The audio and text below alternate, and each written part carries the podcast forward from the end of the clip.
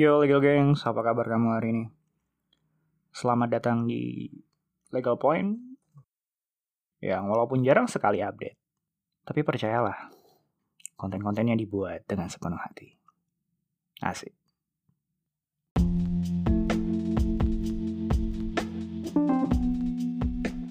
Untuk kamu yang sekarang ini masih duduk di bangku kuliah mungkin masih sibuk buka buku pengantar hukum pidana atau perdata, bisa jadi pertanyaan semacam ini pernah melintas di pikiranmu. Apa sih yang perlu kamu persiapkan selagi masih mahasiswa?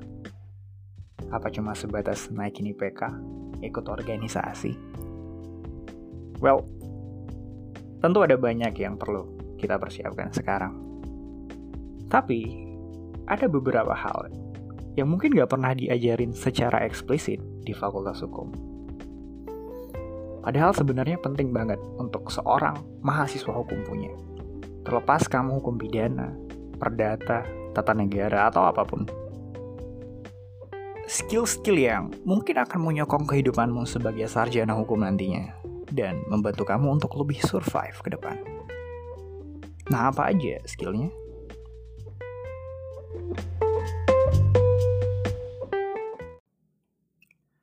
Yang pertama ada public speaking.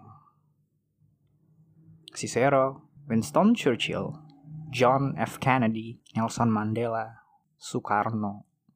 Itu tadi sederet nama tokoh-tokoh besar di dunia. Tapi tahu nggak sih? Apa kesamaan di antara mereka semua? Tahu nggak? Yes, orang-orang tadi adalah public speaker, dan orator handal. Orang-orang yang ketika mereka berbicara bisa menggugah hati dan menggerakkan jutaan orang hanya lewat kata-kata.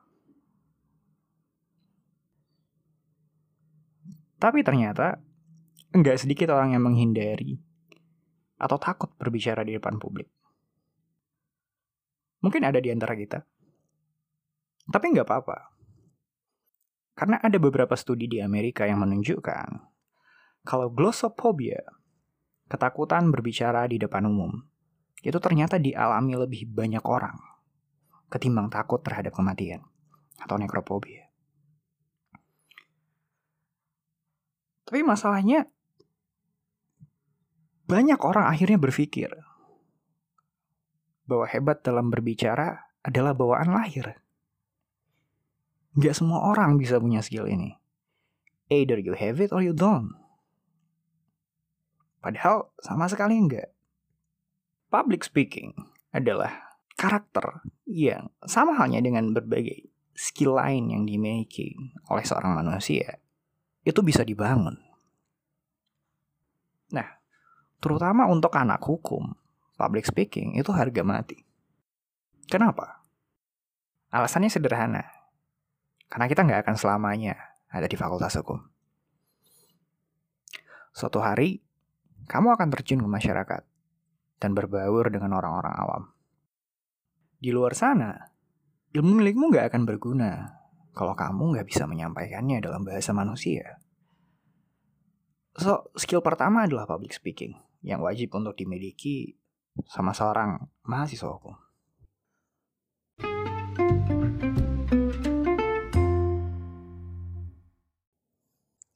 Yang kedua ada bahasa asing.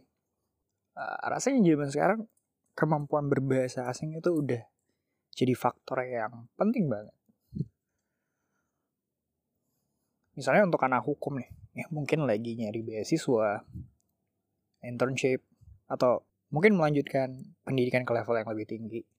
Kemampuan bahasa asing pasti bakal jadi prasyarat dan nilai lebih bahkan dalam dunia kerja skill bahasa asing itu udah jadi standar umum. Nah kalau kamu mungkin ingin terjun ke dunia law firm atau punya cita-cita jadi diplomat misalnya bahasa asing udah jadi keharusan. Well untungnya sekarang kamu masih punya waktu. Nggak ada salahnya mulai membangun kemampuan bahasamu. Apalagi sekarang kan udah banyak nih website atau platform online tempat kamu bisa melatih kemampuan bahasa uh, website-website yang bisa kamu coba misalnya kayak openculture.com, English Page, Learn Language, dan lain-lain.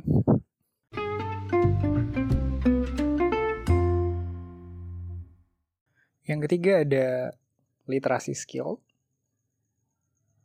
Kamu pasti pernah dengar kata literasi. Well, basically literasi bukan sekedar kemampuan baca tulis ya kalau National Institute for Literacy itu mendefinisikan literasi sebagai kemampuan individu untuk membaca, menulis, berbicara, menghitung dan memecahkan masalah. Jadi literasimu itu sangat bergantung dengan bidang apa yang kamu jalani gitu. Nah untuk mahasiswa hukum, membaca mungkin jadi bagian yang nggak akan terhindarkan. Jujur aja, hukum itu ilmu yang luar biasa membosankan. Mulai dari buku-buku, undang-undang, sampai keputusan pengadilannya. Wah. Tapi semua orang tahu, pada akhirnya tulisan-tulisan tadilah yang jadi sumber pengetahuan, sumber hukum yang paling utama. Setelah lulus nanti nggak peduli kamu mau jadi apa, mau praktisi ataupun akademisi, selama kamu masih di ranah hukum, kamu nggak akan bisa lepas dari membaca. Nah, ternyata membaca itu sendiri juga masih ada tingkatannya gitu. Dari apa yang selama ini kita tahu. Masih ada yang namanya membaca tingkat lanjut gitu. Membaca tingkat lanjut ini biasa dipakai dengan berbagai bentuk metode. Kalau yang biasa dikenal itu misalnya membaca dengan teknik skimming. Ada juga membaca memindai ada membaca intensif dan banyak lah pokoknya. Nah untuk mahasiswa hukum, ada juga beberapa teknik membaca yang bisa kamu kuasai. Misalnya gimana sih cara membaca putusan, membaca isi pasal, sampai membaca perjanjian itu punya trik masing-masing gitu. Nah mungkin nanti kita bisa bahas lebih spesifik terkait literasi skill.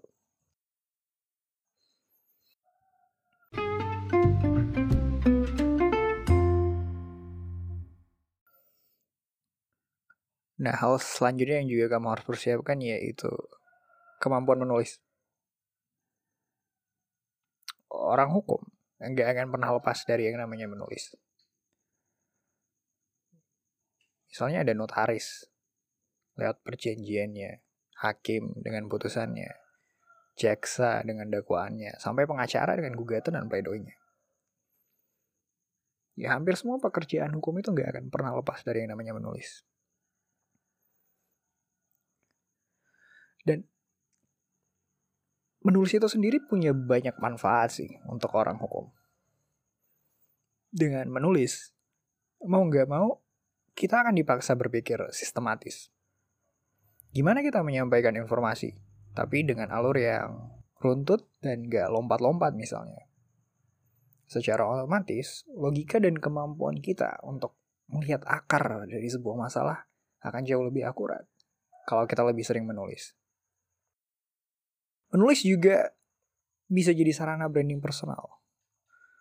Misalnya nih, nanti kamu jadi seorang advokat, pengacara. Pasti dong harus membangun citra diri sebagai seseorang yang profesional misalnya. Nah ini bisa kamu representasikan lewat tulisanmu. Misalnya di media sosial, di blog atau situs web pribadi, itu sangat membantu kamu untuk dikenal orang lebih jauh. Dan yang terakhir, menulis itu juga bisa menghasilkan uang. Terutama buat kamu yang masih mahasiswa. Ini bisa jadi alternatif kamu untuk mendapatkan tambahan masukan. Kamu pasti tahu kan kalau zaman sekarang itu ada banyak media online yang siap membayar untuk setiap tulisan yang diterima. Tapi tentu tulisan yang dikirim juga harus bagus dan memang bernilai jual gitu. Tapi nggak ada salahnya kamu mulai coba-coba menulis karena sekalipun mungkin nggak menghasilkan uang, tapi setidaknya tulisanmu itu pasti akan melatih cara berpikir dan banyak hal lain yang bisa kamu dapat dari menulis. Jadi segitu bermanfaatnya menulis sampai Pramodia Anantatur pernah bilang, jika engkau ingin mengenal dunia, maka membacalah. Namun, Jika engkau ingin dikenal oleh dunia, maka menulislah.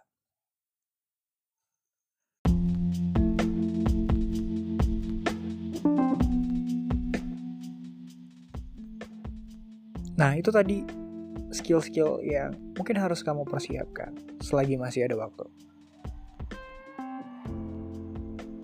Kalau misalnya sekarang kamu ada di titik di mana merasa nggak mungkin menguasai semua skill-skill tadi, nggak masalah. Tahu nggak sih, ada perbedaan sederhana antara ilmu pengetahuan dan skill. Pengetahuan bisa kamu dapat dari mana aja, dari baca buku, ngobrol sama orang, nonton film, dari mana aja. Beda sama skill, yang cuma akan datang dari praktik dan latihan yang berulang-ulang.